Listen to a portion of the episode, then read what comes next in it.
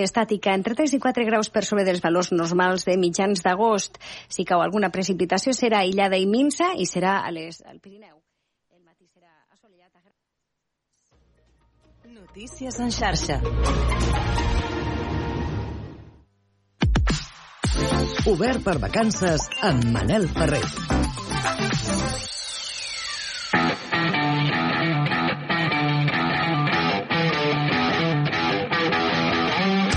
10 i 4, seguim en directe a l'Obert per Vacances a la teva ràdio local, acompanyant-te fins al punt de les 11 i ara viatjarem sense moure'ns de l'Empordà i ho farem sota les estrelles amb el millor circ. Marxem cap a les nits de circ, una proposta que ens acosta a artistes internacionals del món del circ en una pista ben especial, un circ sense carpa sota les estrelles. Les nits de circ van arrencar eh, i van arrencar i és un festival amb dues eh, ubicacions, una a Besalú i l'altra a Roses, i en Genís Matabós, que és el director ideòleg d'aquest festival que ens acompanya als estudis de ràdio Vilafant, on ja hi és també la nostra companya Mercè Mainé. Bon dia als dos.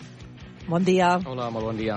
Genís, eh, ja teniu tot el muntatge de nits de circ a Roses i aquesta serà la tercera nit d'actuació a Roses. Eh, quina ha estat, de moment, la resposta del públic? Doncs estem molt satisfets. Hem superat les 11.000 entrades venudes fins ara. L'espectacle està agradant moltíssim. Són 90 minuts d'un espectacle realment a un ritme trepidant. Que bé. Uh, com, se us va acudir, Genís, uh, la, la proposta de, de, de nits de circ amb aquesta filosofia no, uh, de circ, la filosofia aquesta de el més difícil encara, doncs uh, anem a fer, anem a fer-ho més difícil, uh, una proposta de circ sense carpa, uh, a més a més a mercè de les, de les inclemències. Uh, us agrada anar a lo més difícil encara, Bé, no? el circ realment és això, el món del més difícil, però la proposta ens va sorgir doncs, de mirar el que estava succeint al nostre entorn en altres àmbits de les arts escèniques, és a dir, que a l'època de l'estiu, mentre que els teatres fixes, els permanents, els de les grans ciutats, no? els d'hivern, doncs eh, van a mig gas, en canvi hi ha moltíssimes eh, cites importants amb les arts escèniques, amb la dansa, amb la lírica, que es fan en grans teatres a l'aire lliure. Només cal mirar doncs, el cas doncs, del Festival de Paralada o el Festival de Cap Roig. I, en canvi, en lloc del món, hi havia un circ a l'aire lliure. Per tant, va ser, després d'aquesta reflexió, era doncs, com agafar una carpa de circ. Tenim la nostra carpa, doncs, és un circ sencer, complet, amb la seva grada, la seva pista, la seva orquestra, mm, però eh, hi, ha les, hi, ha els, hi ha els màstils, hi ha la cúpula, la petitona cúpula octogonal, que és d'on pengen els trapezis, però no hi ha la vela, no hi ha la lona. El fet, això fa que eh, hi hagi doncs, una gran plasticitat, especialment quan estàs contemplant les atraccions aèries, que de fet aquest any és on hem posat l'accent. És a dir, que quan tu estàs admirant doncs, els fonàmbuls a gran alçada, mm. les cintes aèries, el cercle aeri, doncs com a taló de fons hi ha doncs, els cels estelats, varen ser-ho de la Garrotxa la setmana passada, als Jardins del Molí de Besalú, just al peu de Circusland, al Museu del Circ, i des de fa dos dies doncs, són els cels estelats a l'Empordanesos de la Ciutadella de Roses. De fet, un dels atractius d'aquestes nits de circ és l'espai on, on es realitza Genís. Com descriuries els espais de Besalú i de la Ciutadella de Roses? Bé, hi ha aquesta muletilla, oi, periodística, mm. que sempre es diu marc incomparable.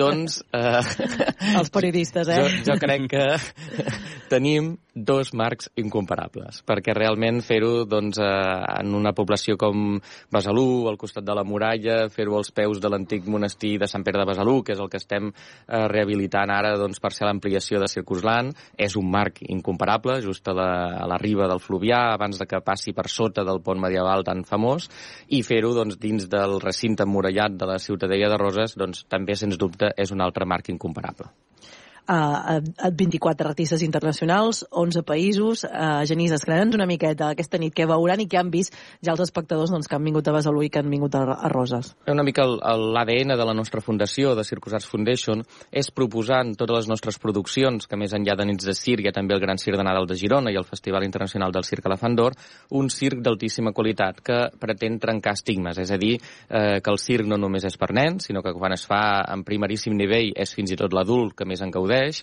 i um, que el circ doncs, té realment una elevadíssima qualitat i que res té a envejar doncs, de la millor òpera o el millor concert que puguin existir.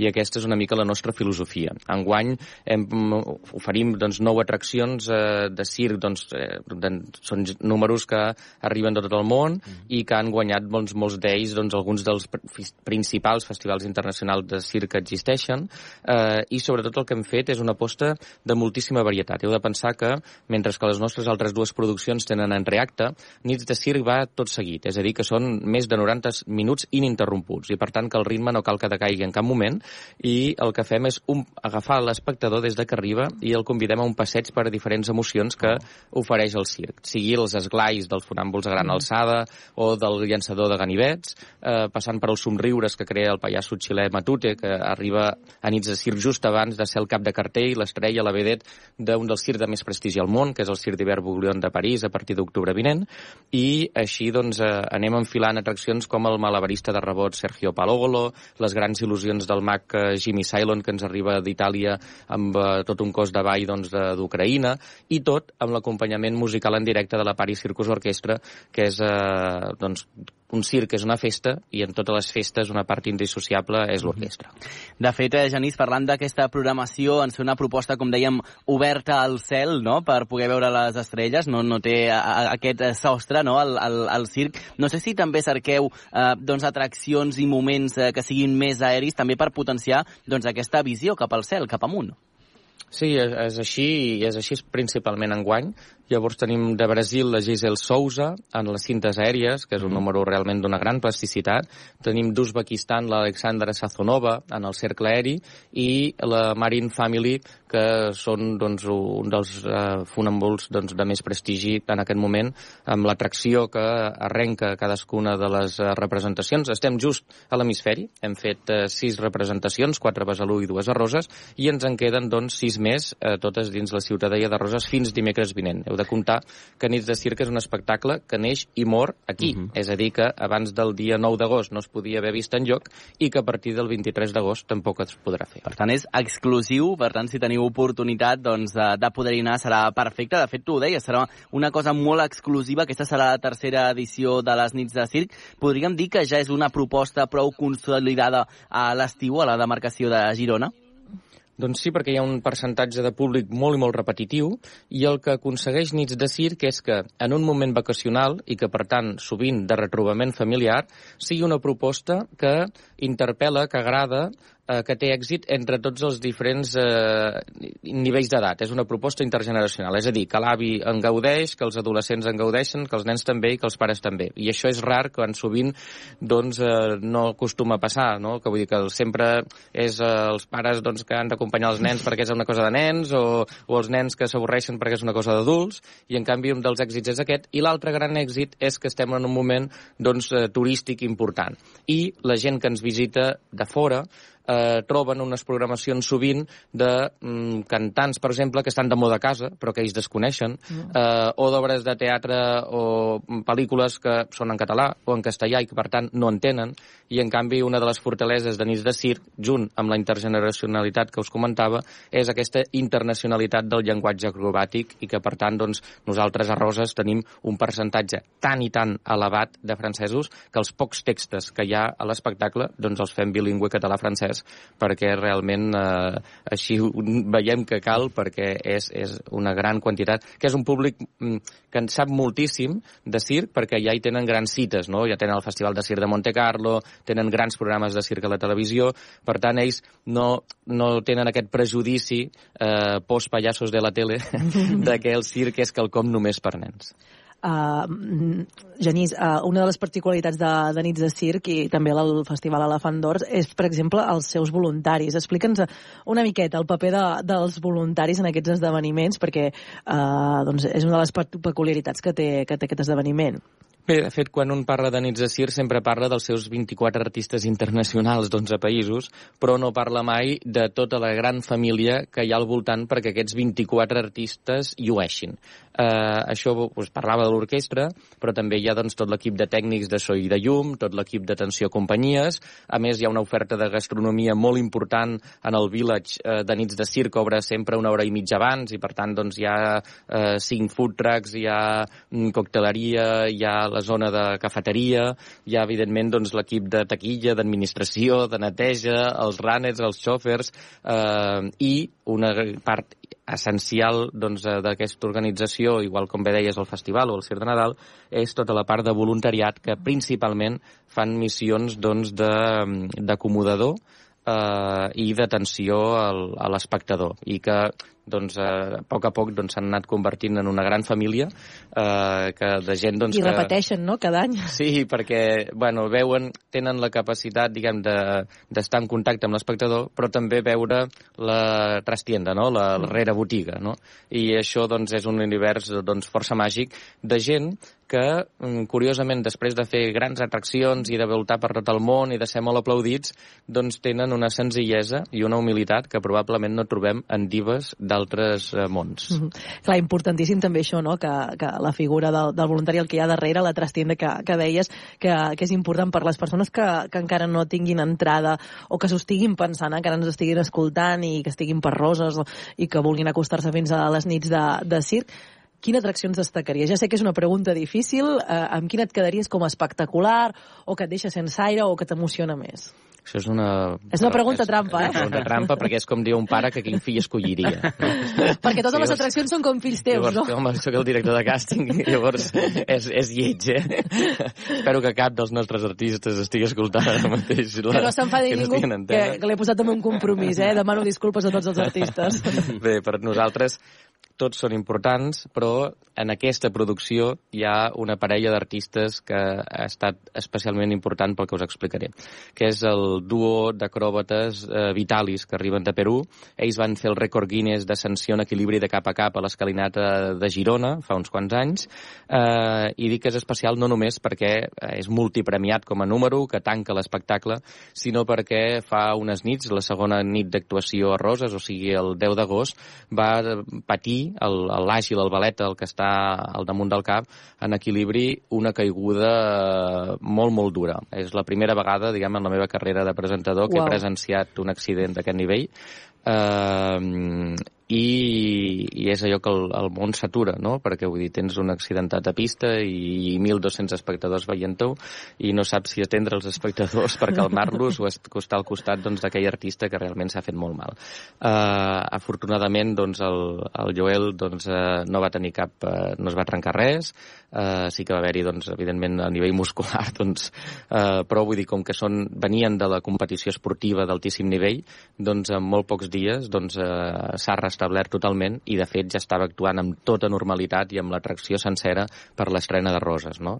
Per tant, diguem, no només pel, pel seu nivell artístic i mèrit, sinó per aquest accident i la manera, doncs, tan mm, increïble, no? doncs, doncs com ha resolt doncs, i s'ha restablert no? doncs, d'això, doncs és l'atracció que mereix que destaqui. Clar, perquè això són coses que passen en una pista, no? Això que comentaves. Bueno, el cercar eh, constantment el més difícil encara, doncs eh, és un camí doncs, de risc eh, i és un camí doncs, on a vegades no, el, el fallo mm. doncs, eh, pot existir, està clar. Doncs, eh, Genís, et volia preguntar gairebé per, per acabar, perquè abans has fet referència doncs, a aquesta eh, post-era que tenim aquí a, a Catalunya, potser també a, a l'Estat, a, a Espanya, dels eh, pallassos de, de la tele, no? Eh, no sé ben bé quin, eh, o quina imatge tu que t'hi dediques en el teu dia a dia, que és vaja, la teva passió i la teva feina, eh, quina imatge té la gent, el públic, eh, sobre el circ? No sé si ens hem pogut anar deslligant una mica d'aquests pallassos de, de la tele o encara és prou, prou viu aquesta aquesta uh, essència, aquesta imatge?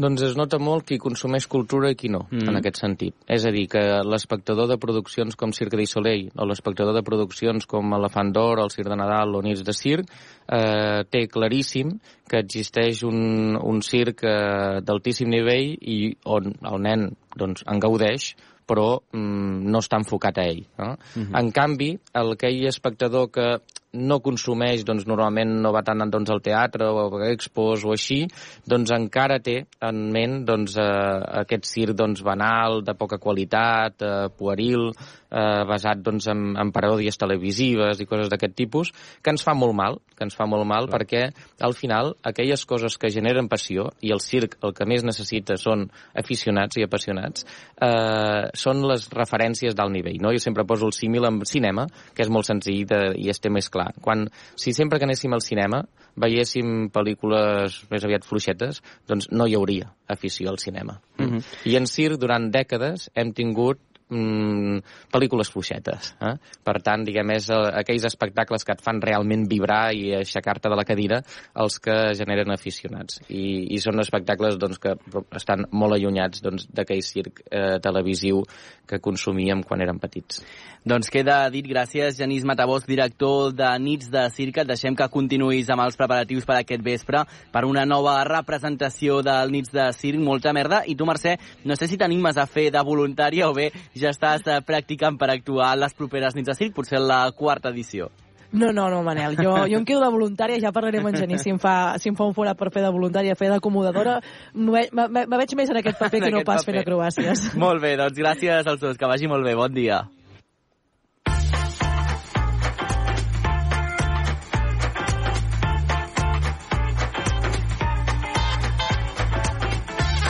Passen 4 minuts d'un quart d'onze del matí. És el moment d'obrir un nou viatget. Voleu pujar dalt del campanar de la Seu de Lleida? En aquest capítol del viatget ens hi enfilarem i ja que hi som també passarem pel claustre i la catedral de la Seu. També veurem l'altre reclam de Lleida, el castell Fortalesa de Gardeny, que forma part de la ruta templera d'Homus Templi. Això i molt més amb les periodistes de UAU Lleida Ràdio, Alexandra Fos i Judit Castellà. Les temperatures a Lleida durant el dia poden tirar enrere a l'hora de fer plans. Per això, la visita que us proposem avui us portarà murs endins del patrimoni de la ciutat, on les pedres, més enllà d'explicar històries, ens resguardaran del sol que banya ponent. Arribis a Lleida tant per tren com per carretera, ja en la llunyania et pots fixar en com es dibuixa l'skyline de la ciutat, amb la gran seu vella presidint-lo. I és aquest conjunt patrimonial la primera parada obligatòria a fer. La seva immensitat destaca per sobre de tot i només cal traspassar la porta per començar la immersió històrica, tal com explica Joan Ramon González, president de l'Associació de Veïns de la Seu Vella. Pujaríem per les dues portes, la que hi ha cap al nord, que és la mitja lluna, també tenia un pont llevadís i el fossat que ens lo indica que havia hagut. Passada aquella porta, al darrere hi ha una làpida en llatí amb l'escut de l'Ubinyí que recorda que Lleida va ser conquerida l'any 1707, en plena guerra de successió. Llavors enfilem un llarg pont, que també acabaria amb una porta, pont llevadís, però és la porta del castillo principal, que és el que va rebre aquesta fortalesa a partir del segle XVIII. No es pot marxar de la seu sense haver visitat el claustre i la catedral. A la gran sorpresa que tothom queda meravellat, que és el claustre. El claustre situat als peus del temple, el més gran dels claustres gòtics que hi ha al món i que té una galeria oberta a la ciutat que el fa singular. Des d'allí passem a la catedral. La catedral ens sorprendrà perquè està buida, no hi ha res. Hi ha molta llum, és una catedral del romànic tardà del segle XIII i que quan se va tancar per convertir-se en caserna es va treure tot el que hi havia. Tot se va buidar i per això està tan eh, esplèndidament conservada com si estigués acabada de fer al segle XIII. I la visita a la seu s'ha d'acabar sí o sí al campanar. A dalt de la muntanya que domina l'hermosura dels termes lleidatans s'aixeca un campanar fet per titans o per homes de raça gegantina, també poden dir de dones, quan guaita cap avall l'aigua veïna del riu li dones pill i l'horta en cants, i guaitant cap amunt toquen les mans i conversen la lluna i la boirina. Pugem-hi, doncs, l'escala cargolada que als ulls dona mareig i al cor neguit. Sembla que estigui des del cel penjada. I amunt, amunt, ja ets dalt. Ara, esperit, si ets sense d'aligar al cor, pren revolada que ja ets a mig camí de l'infinit. Sense abandonar la seu vella i arribats al migdia, us proposem fer una parada a taula al restaurant La Sibila. La nostra recomanació és fer-ho a la seva terrassa, on tindreu una panoràmica de la ciutat de Lleida, el riu Segre i l'horta que rodeja la ciutat. A més, tots els dies d'estiu a la carta hi ofereixen cargols, el plat per excel·lència de la capital del Segrià.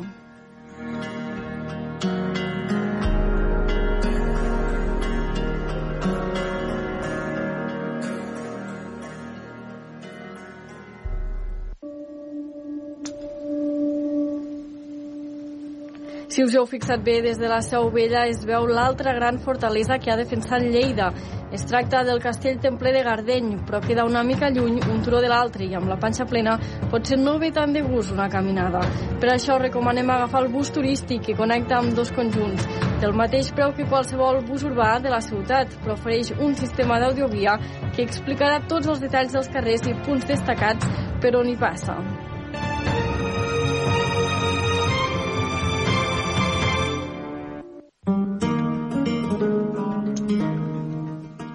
Ara sí, ja hem arribat a la comandància templera de Gardeny, una fortalesa que ha vist créixer la ciutat de Lleida, tal com destaca David Samblas, guia oficial del castell.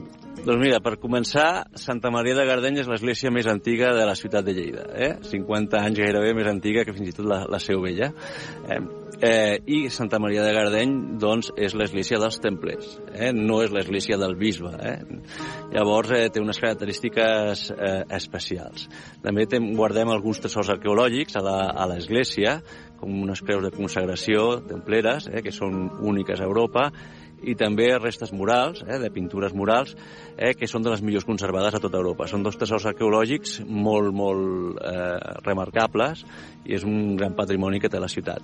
El castell Temple de Gardeny forma part de la ruta Domus Templi, que aplega diferents fortaleses dels monjos guerrers i part de la seva visita vol divulgar com era la quotidianitat d'aquesta ordre. Tenim un centre d'interpretació de l'ordre del temple eh, que eh, consisteix en, bàsicament en un audiovisual que explica com neix aquesta ordre monàstic militar, com desenvolupa la seva tasca aquí a, a Gardeny i com s'acaba dissolvent, com acaba desapareixent aquesta ordre.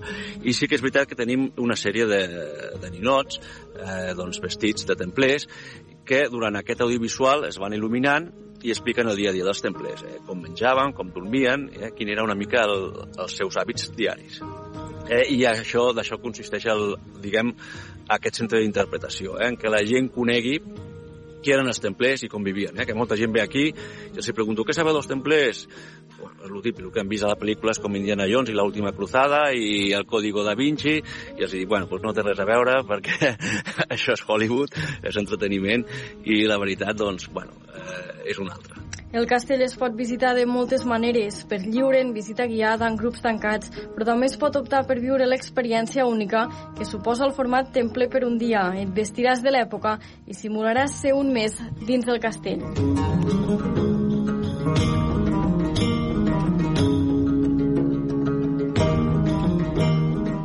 I quan el sol ja baixa i la poca brisa que hi ha comença a córrer, podem deixar les pedres enrere per gaudir de l'altre gran patrimoni de la ciutat, la natura. El Parc de la Mitjana, els marges del riu Segre, els aiguamolls de Rufea o els camins de l'Horta de Lleida són espais on refrescar-se i tancar acompanyats dels cants dels ocells aquesta jornada turística.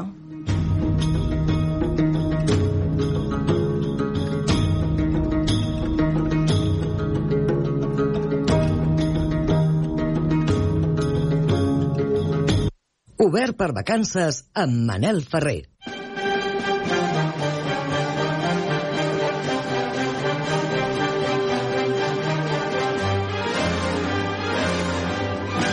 Deu 26, 4 minuts per dos quarts d'onze del matí. Seguim a l'Obert per vacances en directe. Tarragona encara els dies forts de la Festa Major de Sant Magí. Avui és la vigília i el dia que els portants de l'aigua fan l'entrada triomfal a la ciutat ben guarnits després d'haver fet un recorregut d'atenció 60 quilòmetres a peu i amb carros i, cavalleria, i cavalleries des de les fonts de Brufaganya al municipi de Puntils, Conca de Barberà, d'on van sortir el dimecres per anar buscar aquesta aigua miraculosa. Amb ells i acompanyat, però no és que estigui allà amb ells, sinó que els ha acompanyat en tot aquest recorregut el nostre company de Tarragona Ràdio, Josep Sunyer. Bon dia, Josep, com estàs? Hola, Manel, bon dia.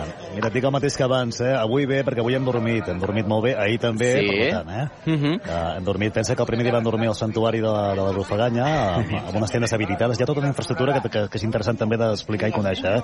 Dels portants parlem de 90 persones, 10 carros, 10 cavalleries, uh, i tota una infraestructura perquè sopes, dina, clar. Ara Mhm. estem esmorzant a l'Argilaga, que els veïns del poble ens han preparat l'esmorzar.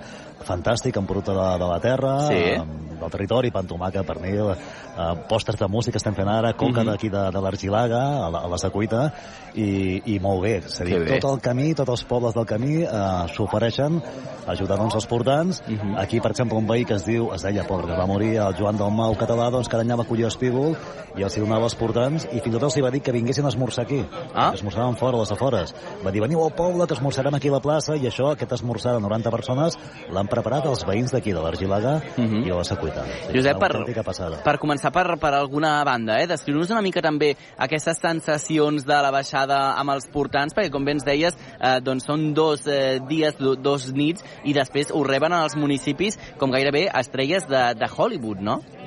No, no, millor, millor que estrelles de Hollywood. No es posen la catifa vermella, però gairebé, eh? Eh, És una, és una autèntica passada. Pensa que fem tres comarques. Eh? Sortim Mhm. de la Conca de Barberà, Pontils, on hi ha les fonts de la Brufaganya, allà es fan a missa amb Joan, eh, mossèn Joan eh, Magí, eh, després el sopar de Germanó, i a partir d'aquí l'endemà a les 7 ja se surt ben d'hora, ens despertem a les 6, anem a escortar per Mossos d'Esquadra, per Protecció Civil, i tota aquesta filera de 10 carros, eh, 10 cavalls, també hi ha tots els que, eh, de la ciutat de Sant Antoni de Valls, que són els que porten els cavalls, s'han de refrescar, eh, s'han d'alimentar, han d'anar per l'ombra, s'ha editat tot un seguit de, de coses pel camí, però cada poble que fa la parada eh, com aquest de l'Argilaga, o els que han fet avui també el restaurant Coll de Nulles a Nulles, a Bràfim. A Bràfim, per exemple, una, un, una parella del poble Sí. um, ens han servit cafè. És a dir, cada any s'aixequen a les 5 per fer cafè, però no hi ha res obert. I ens serveixen cafè allà mateix, eh, al seu garatge. Entrem allà dins del garatge, allà tenim cafè i pasta. És a dir, tot això és, és impressionant de viure perquè la gent espera en candeletes que, arribi, que arribin els portants i són rebuts, això, com, com deies tu, eh, com estrelles de Hollywood, eh, gairebé. Quina experiència més eh, xula i també volem que ens expliquis per què aquesta aigua eh, és miraculosa, aquesta aigua de Sant Magí. Mira, això, això t'ho explicarà, el, això t'ho explicarà, li passo la pilota al. Vinga. convidat, eh, que tinc aquí el, el Sergi Batxes, que és uh, el coronel dels portants. Eh, jo, jo sé que et respondrà ja, eh, perquè això també aquesta pregunta sempre la fem. Eh? L'aigua és miraculosa. Eh, hi ha gent que diu que sí, hi ha gent que s'ha guarit. Eh, Pensa que hi ha, hi ha rumiatge fins a les fonts de la Brufaganya des de Cervera, des d'Igualada. Eh, Carai. gent que des de fa molts segles van allà a buscar aquesta aigua, eh, aquesta aigua que va fer Borllà Sant Magí amb el Callato, perquè els romans estaven, estaven no van anar a pressar, eh? És a dir que... Però, que t'ho explica el Sergi. Sergi, bon dia. Hola, bon dia. És miraculosa? Bueno, és miraculosa. Hem arribat a veure... Mira, l'altre dia que vam anar a la trobada de les famílies portants, ara fa una setmaneta, el diumenge passat, jo recordo haver vist una imatge d'un home que es va apropar a les fonts es va, i es va començar a fregar totes les cames, vale? es va fer com una mica de massatge aquí al, a la ròtula, no? a la part de ginoll. Bueno, si és miraculosa o no és miraculosa, si forma part de la tradició, si forma part de la devoció, si forma part de la fe, cadascú dins el seu cap doncs hi té, hi té el que té en aquest sentit, no? a nivell de creences. Uh, sigui miraculosa o no sigui miraculosa, sí que realment és una tradició molt de socarrel a nivell tarragoní, val? venint aquesta aigua no? que comentàvem de l'època dels romans, que Sant Magí pica no? amb el seu bàcul doncs, a terra i fa brollar l'aigua pels seus captors, doncs, bueno, recollint tota aquesta tradició de l'aigua, doncs eh, fem aquesta baixada d'aquests dos dies que comentava el Pep per arribar eh, doncs a Tarragona i repartir-la entre els tarragonins i tarragonines. Fa, fa 30 anys, eh, Manel? Eh, Sí. Enguany és el 30 aniversari, eh? Sí, 70è aniversari, suposo que també, eh, després d'aquest de, d'aquest, eh, camí que heu fet, eh, suposo que també, Sergi, amb ganes de, de voler arribar, no?, ja a Tarragona, que és com el destí final després de tot plegat. Bueno, és la, és la part una miqueta que, que cobra, Mm. bueno, cobra valor doncs, les 48 hores anteriors, no? Quan entres a la plaça La Font i veus una mica l'estesa amb el Magí de les Timbales, amb els negritos, amb, la, amb els gegants, i entren tots els carros i cavalls i veus les famílies doncs, que estan esperant eh, ja no només eh, l'aigua, sinó també l'alfàbrega, perquè l'alfàbrega és una cosa molt, molt nostrada amb la baixada de l'aigua, l'olor alfàbrega que també els portants van repartint durant, durant l'arribada. Doncs bueno, tot aquest, tot aquest joc de colors, tot aquest joc d'olors, doncs realment dona sentit a aquestes 48 hores que portem baixant l'aigua. Uh -huh. Escolta, hi ha una curiositat que potser Sergi i potser també amb l'ajuda del Josep me la podeu resoldre, perquè estem parlant de Sant Magí, però segons diu la, la tradició en origen, eh, Sant Magí no era sant al principi. Mira, a, a nivell geogràfic Sí? no en soc cap, eh, no sóc cap expert. Per Mhm. tant, la veritat, ara m'enganxes una miqueta així eh, sense donar-te resposta. No ho sé. No sé si hauria de ser una pregunta Potser el- dirigida cap a algú amb estudis més eclesials o no, però no, no t'ho sabria respondre, això. Pensa que ell, ell vivia, diuen, eh, que va viure Sí. a, una- a la cova de, de la Bufaganya, allà Mhm. era un ermità, per entendre'ns, eh, ell, ell, ell allà doncs eh, difonia la fe cristiana, i clar, als romans això no els hi va agradar gens, eh? L'emperador de l'època, doncs clar, va dir, aneu-lo a buscar allà dalt, aneu-vos aquell que allà a la cova, no?, i, i el porteu cap aquí, però el van portar cap aquí, cap aquí, cap a, cap a Tarragona, es va escapar, va portar del carro, i va tornar a la cova, el van anar a tornar a buscar altra vegada. Aquí es va produir la... on, on arrenca tot, eh? el tema d'aquell eh, va donar aigua als, Mhm. als seus captors eh, i com que no n'hi havia d'aigua va fer tres cops amb el callato va, va, va sorgir l'aigua que en teoria podria ser el naixement del riu Gallà Sí. Els hi va donar aigua i després el van, clar, el van, el van, el van matar, Va matar, el van sí, matar sí. eh? és a dir que Uh -huh. eh, aquesta, aquesta la... I, i doncs, clar, parlem de Sant Magí, sí, sí, una, una figura eh, patró de la ciutat, però també patró Cervera. Eh, com, com et deia, sé que la devoció pe- pel sant eh, és pràcticament aquestes eh, tres comarques i l'entorn, eh? Uh -huh. Conca, Barberà, el Camp, acabem d'entrar al Tarragonès, amb aquest primer poble, que és la- la- l'Argilaga, per tenir la Secuita, i tot aquest entorn eh, i aquest peregrinatge doncs, eh, cap allà, cap a les fonts. Enguany amb any de sequera, per tant és més important que mai i molt simbòlic, Sergi, que entreu amb l'aigua, no? beneïda, i, i que plogui, com diu la tradició, no? Sí, mira, el tema, de, el tema de la pluja, el tema de ploure, mira, ahir al matí, o abans d'ahir al matí, ja van caure quatre gotes, amb la qual el toldo que cobreix el portal del carro doncs ja s'ha mullat, que és una tradició tarragonina, i realment això comentaves del, del tema de, dels temps de sequera sí que és veritat de, que realment l'aigua que pot arribar a Tarragona doncs bueno, la idea és fer una mica de, de com d'homenatge no? a tota aquesta a tota aquesta època que estem, que estem passant de restriccions i tal, però que no ha tingut eh, afectació amb el tema d'aquesta tradició. Nosaltres arribem com cada any, repartim l'aigua, i que, bueno, i que li serveixi de cura, no? allò que parlàvem abans, doncs, a, a moltíssima gent. Es repeteix amb uns càntics, eh, petits, que no ho han dit, eh? Un càntic que enguany també s'ha renovat, així com també la, les portades de l'aigua s'han restaurat, el panó també s'ha renovat, però és un petit canti, eh, Manel, Sí. amb aquesta aigua miraculosa que eh, després de la tarda, quan entrem a la ciutat i arribem al portal del carro, hi ha l'ermita de, de la Brufaganya i l'ermita del portal del carro que està dins la ciutat, de la part alta, eh, que és allà on es fa el repartiment no, de, de l'alfàbrega, de, de l'espígol de- i d'aquest canti petitó amb l'aigua que la gent el guarda durant tot l'any eh, i van dosificant eh, a poc a poc. Mm -hmm. Sí, sí. Home, això, Josep, eh, com ens expliques, eh, aquesta dosificació de l'aigua durant tot l'any, ara potser dic una, una bajarada, eh, si així em corregiu, però podríem dir que és com, com una mena de Lourdes tarragoní, això, perquè em recorda molt justament aquesta figureta no, de la verge de Lour- de Lourdes amb l'aigua dins, no sé si en guarda alguna similitud. Bueno, aniré relacionat una miqueta amb el que dèiem abans, no? De si és miraculosa, si hi ha més fe, si hi ha menys fe, però sí que realment, eh, bueno, la, la devoció a Sant Magí pels tarragonins i per les tarragonines doncs és, és prou forta, vull dir, perquè moltes, moltes famílies doncs ja ho recullen també dels seus, eh, dels seus avantpassats. I tot just enguany, doncs amb aquest 30 aniversari que comentàvem, no? doncs aquest, aquest canti hem volgut doncs, retre una mica d'homenatge a aquestes portadores no? que transporten l'aigua des de fa molts anys i hem fet una reproducció en ceràmica doncs, d'aquestes d'aquestes portadores. Doncs una activitat que- molt mira, xula, a- a Josep. A, a nivell, Manel, de, de recorregut, clar, abans dèiem 65, 70, depèn eh, dels quilòmetres, però i ens deia tenim per aquí un expert, el Jordi, que no el veig, el Jordi Bertran, però ens deia que de, a nivell de, de pelegrinatge, amb carros i cavalleries i 90 persones caminant, si no el més... De Catalunya, segur, segur jo diria que gairebé segur, eh, el Jordi, el més llarg.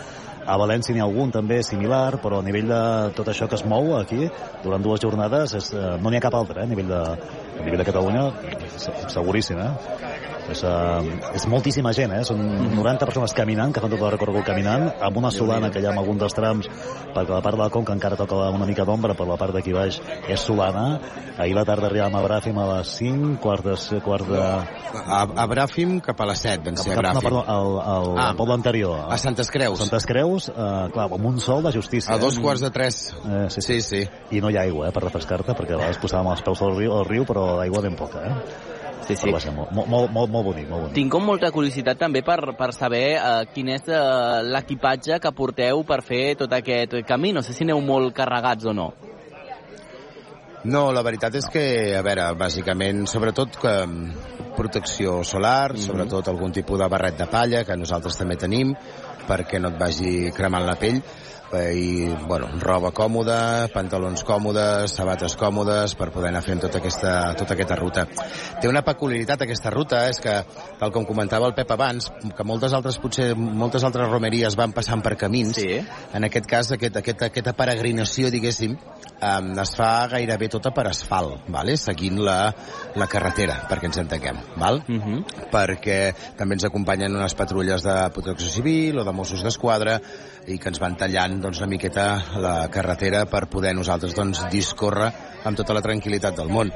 Uh, també portem tota una sèrie de, de, de gralles i de timbals que a mesura que anem entrant als pobles doncs anuncien l'entrada dels portants uh, són unes gralles i uns timbals de, de la colla Castellà de Xiquets de Tarragona per tant, doncs, bueno, fem una mica aquesta, aquesta, aquesta sinergia no? amb una altra entitat de, de, de la ciutat però bé, la, la, la ruta és, és, és dura, ja no només repeteixo, eh, pels 60 i pico quilòmetres, sinó per aquestes condicions climatològiques més adverses pel que fa al sol. I, I a la tarda ens canviem, eh, Manel? A, a la tarda... Us eh, poseu de gala, no? O Sí, què? sí, sí. Escolta'm, Explica, Josep, explica. la la vostra... Ah, no, sí, sí, expliqueu-nos com és també aquesta vestimenta, sí, sí.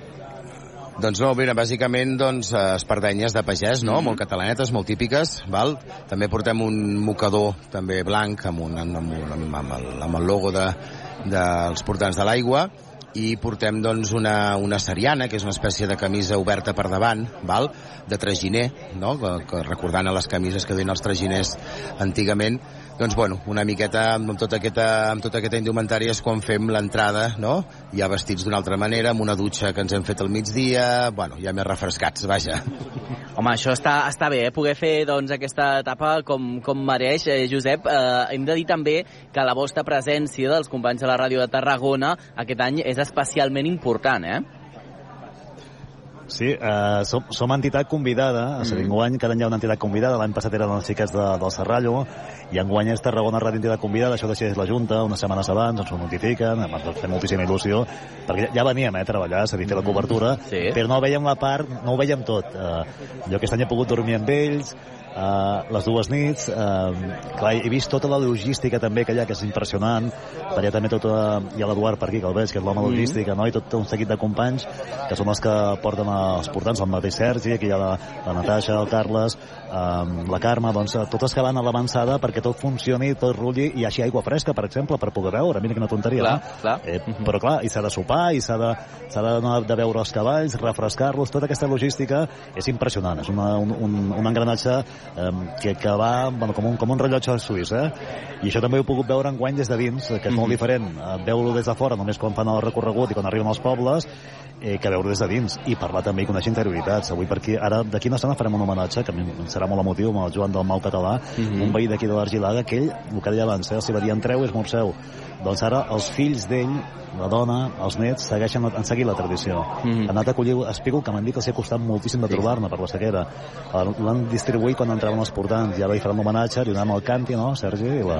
I l'ampolleta també L'ampolleta. d'aigua, bueno, un agraïment a tota aquesta gran tasca que va iniciar, que va iniciar el Joan i que any rere any no ens ha faltat, no ens ha faltat mai l'espígol, malauradament l'any passat doncs després de Sant Magí va, va morir el Joan, però el que comentava el Pep, aquesta tradició no, no, no ha mort amb el Joan, aquesta tradició continua amb els fills i amb els nets i bueno, al final al final aquesta, aquesta comunitat de Sant Magí que a mi m'agrada anomenar, no? Mm. Fem germanor entre tots i la veritat és que agraeixes molt totes aquestes mostres de col·laboració per part de tots els pobles, per on passes, per part d'alcaldes, alcaldesses, sempre han estat moltíssimes facilitats, uh, gairebé mai hi ha un no per resposta, vull dir que amb això estem, estem encantats i sempre estan a disposició per, per, per allò que faci falta. Per tant, s'agraeixen figures com les, de, com les del Joan doncs que es volquin una mica no? amb, tota aquesta, amb tota aquesta baixada. Oh, i tant. Doncs uh, us deixem ja lliures perquè sé que aquestes hores uh, prèvies doncs, uh, us aniran bé també per descansar, per posar-vos a punt. Josep, et diré gairebé com em diu la meva àvia cada cop que vaig a algun lloc, que facis moltes fotos i que ens les passis després uh, per poder veure com ha seguit aquesta experiència. Moltes gràcies als dos i que acabeu de passar una molt bona festa i aquesta cluenda tan especial després de- d'aquest esforç que heu fet en les últimes uh, hores. Vinga, madame, doncs ho explicarem i farem moltes fotos. Molt una abraçada, que vagi Gràcies, bé. Gràcies, una abraçada. Adéu, adéu.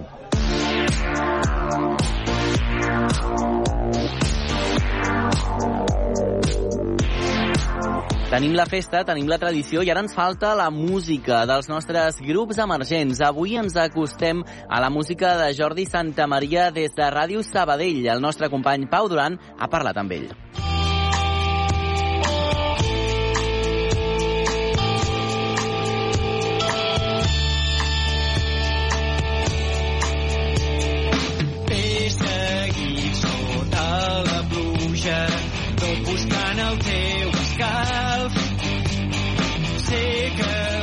Tornar-te a enamorar és una de les creacions de Jordi Santamaria, un sabadellenc que va aprendre a tocar la guitarra als 15 anys de manera autodidacta. A partir del 2012, però, es va posar en mans del professor Eduard Urriols, més conegut com a Palmito, tot un expert en l'instrument. Cinc anys després, publicava Òpera Prima, un EP amb cinc temes, i el 2019 el CD Històries, 12 cançons on està acompanyat pels meridians de Sant Feliu de Codines.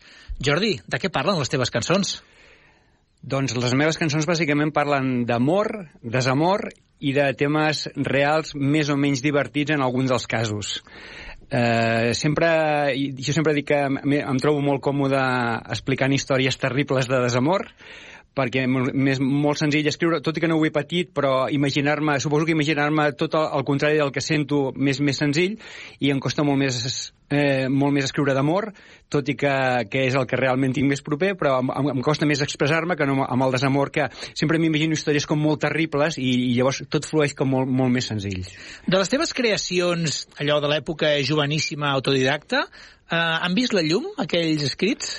Doncs sí, de fet, eh, de, encara en tots els concerts la continuaran cantant, un tema que es deia Voldria, que és de l'any 91-92, que era un tema de desitjos, on jo el que desitjava era un món diferent, millor, sense guerres i tot molt, molt, molt utòpic, i realment han passat els anys i realment la continuem cantant perquè tot allò que desitjàvem en aquell moment continua estant present ara i, i, i molt més, no? Amb, amb, amb tots els conflictes bèl·lics que hi ha en el món, doncs eh, bé, eh, aquesta es va veure la llum i continua vigent, per desgràcia.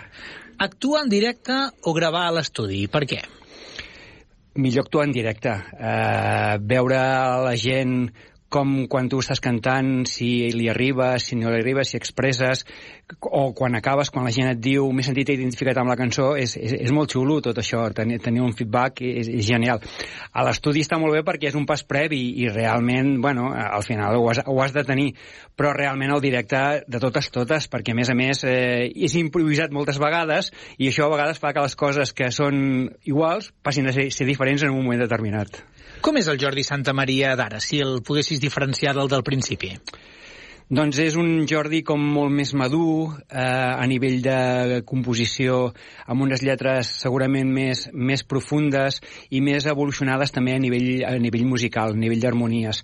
Al començament era tot com molt més bàsic i ara hem, hem madurat una mica Sobretot jo sempre dic que he tingut la gran sort de, de poder comptar amb un professor de guitarra que m'ajuda moltíssim sempre, l'Eduard, que no em cansaré mai de parlar d'ell i que realment, a part d'apretar-me molt en, en, i obligar-me molt a composar, m'ajuda molt a, a, a millorar i a progressar amb tot el tema d'harmonies a nivell musical. En l'època que estàs ara, intimista seria un adjectiu que t'escau?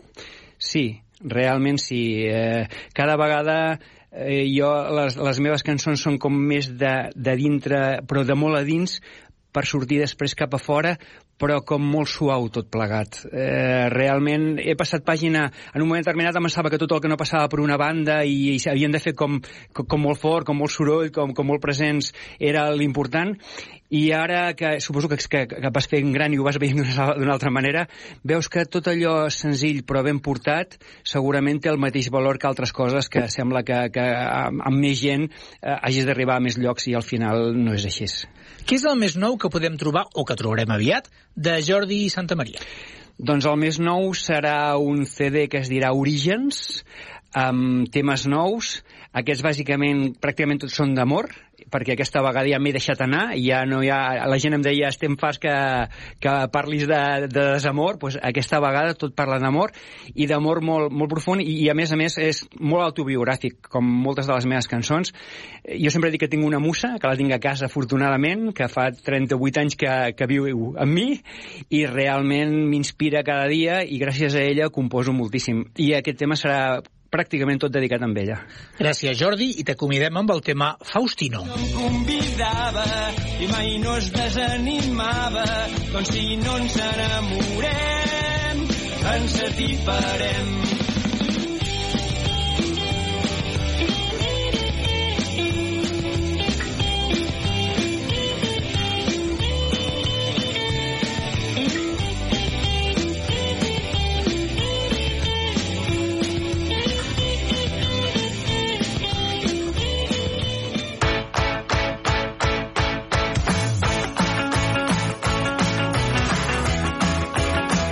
Dotze minuts per arribar al punt de les 11. És el moment d'omplir la nostra agenda d'activitats culturals per tot el cap de setmana. Un cap de setmana que comença ja avui divendres. Per tant, saludem al nostre company Àlex Riba. Bon dia, Àlex, com estàs?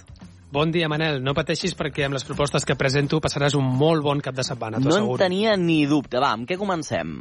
Mira, arrenquem amb el Nomad Festival, un esdeveniment que finalitza aquest diumenge a la Boella, a la Canonja, i que engloba tota mena d'activitats, com per exemple sessions de sunset, espectacles de circ, avui que hem parlat de circ, dansa, màgia, microteatre, fins i tot un escape room, així com concerts diaris.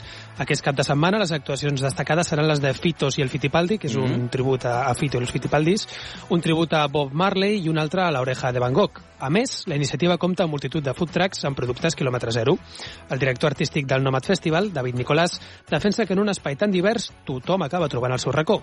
tothom, tothom, tothom trobarà el seu espai, el seu moment per disfrutar d'aquest espai que estem a la Boella, que l'entorn és meravellós i s'està s'està molt a gust, la veritat.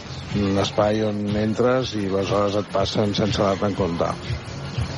Per als adults, les entrades tenen un cost individual de 8 euros. Els infants, però, tenen un preu reduït i, a més, també hi ha packs familiars que surten més econòmics. Doncs és eh, meravellós, eh? L'Oreja de Van Gogh amb tots ells em, em quedaria. Tu eres eh, més de Maya Montero o de Leire? Àlex. Uf, difícil pregunta, eh? No sé què dir-te. Amb això es divideix, et diria gairebé el país, entre la gent que està a Maia i la gent que està a Leire. Si vols, no et poso el compromís de fer-te escollir. La Gemma Ponce, la nostra companya, escull a Maia, jo també sóc Tim Maia. Però això cadascú a criteris, no puc jutjar ningú per escollir Leire i que tingui mal gust. Això cadascú ja a casa seva amb les seves coses. Escolta, una iniciativa molt xula eh, doncs, eh, que apuntem a la nostra agenda i què més ens proposes? En segon lloc, us porto una exposició anomenada Dalí Cibernètic, ubicada a l'Ideal de Barcelona. Es tracta d'una experiència sensorial que repassa les millors obres de Dalí en un format amb quatre dimensions, una manera única de conèixer l'univers poètic i oníric de Linià. Al visitant es troben projeccions de gran format, instal·lacions interactives, hologrames, realitat virtual i fins i tot intel·ligència artificial. Uh -huh. Doncs escolta'm, interessant proposta i el més important, fins quan està disponible aquesta mostra?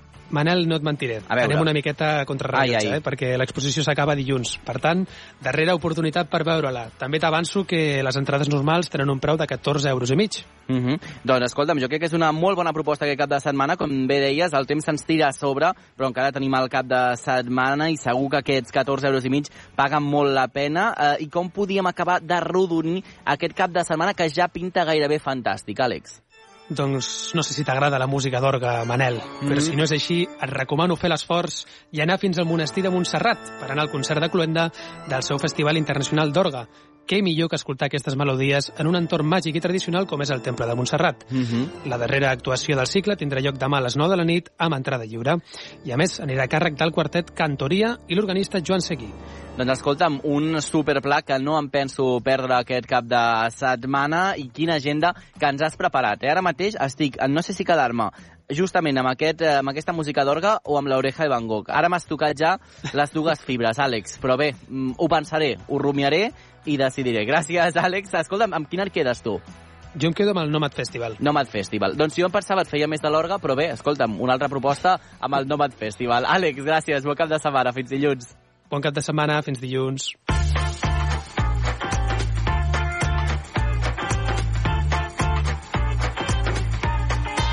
Vuit minuts per les 11. Anna Gasol, com estàs?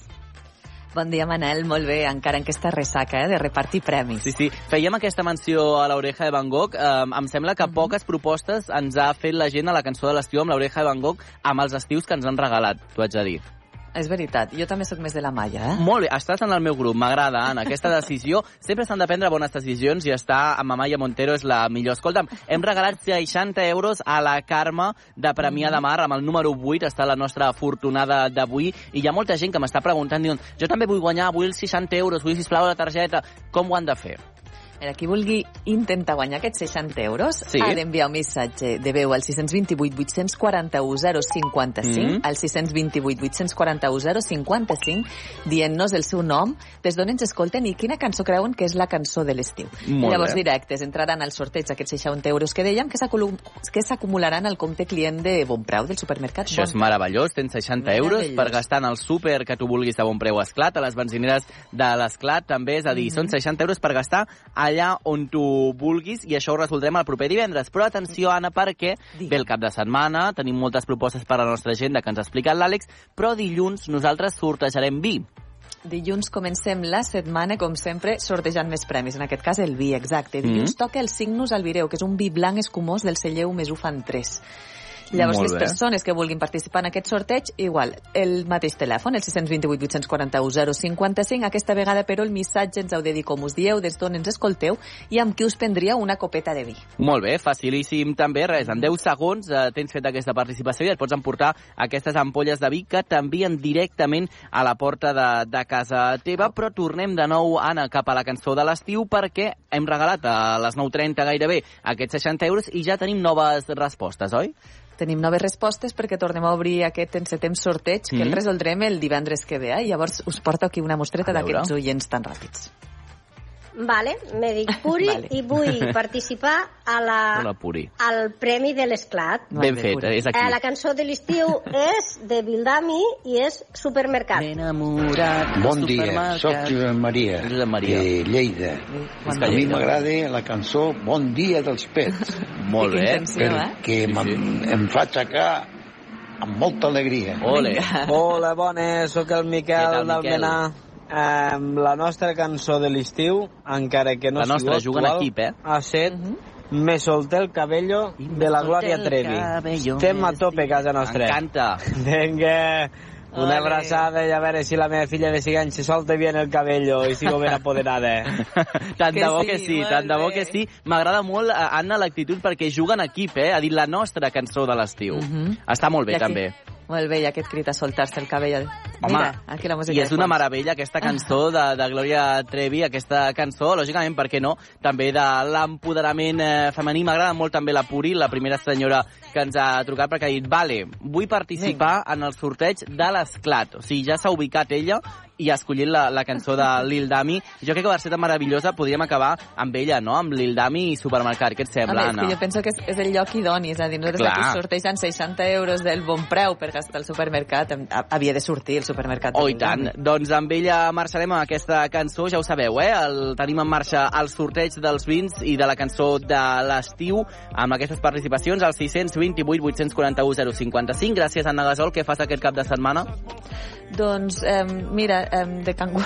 De cangur. Molt bé. És Doncs així, fem festa de pijames. Bo, festa de pijames, home, doncs és meravellós i a més ja tens tota la playlist de cançons de l'estiu per poder-li posar sí, totes elles. superactualitzada. gràcies, Anna Gasol, bon cap de setmana. abraçada. I moltes gràcies també a vosaltres per acompanyar-nos. Tornarem al dilluns sense falta quan passin 4 minuts de les 9 del matí amb un nou Obert per Vacances. A on? A la vostra ràdio local i amb qui? Amb tots nosaltres que estarem encantats d'acompanyar-vos. Bon cap de setmana, adeu.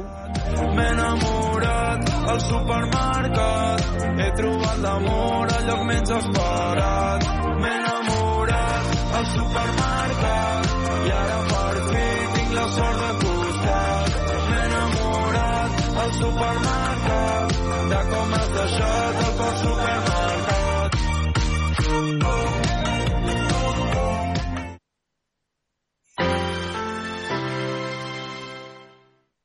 La xarxa de comunicació local.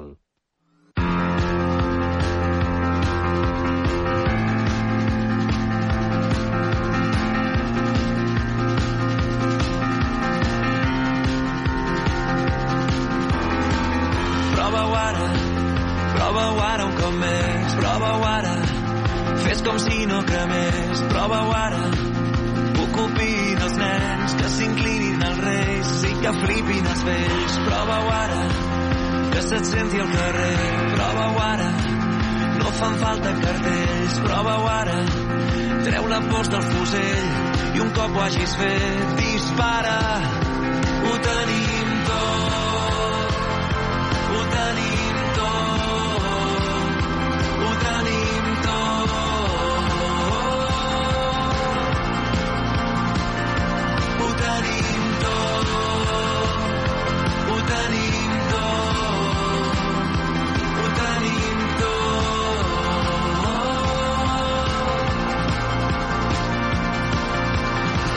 Prova-ho ara, que rebenti el secret. Prova-ho ara, no pateixis per ells. Prova-ho ara, crida i salta del tren i torna a fer un cop més per si demà ja no hi és. Prova-ho ara, corre cam a través. Prova-ho ara, balla com si plogués. Prova-ho ara, enterra el dolor i un cop ho hagis fet, dispara. Ho tenim tot, ho tenim tot,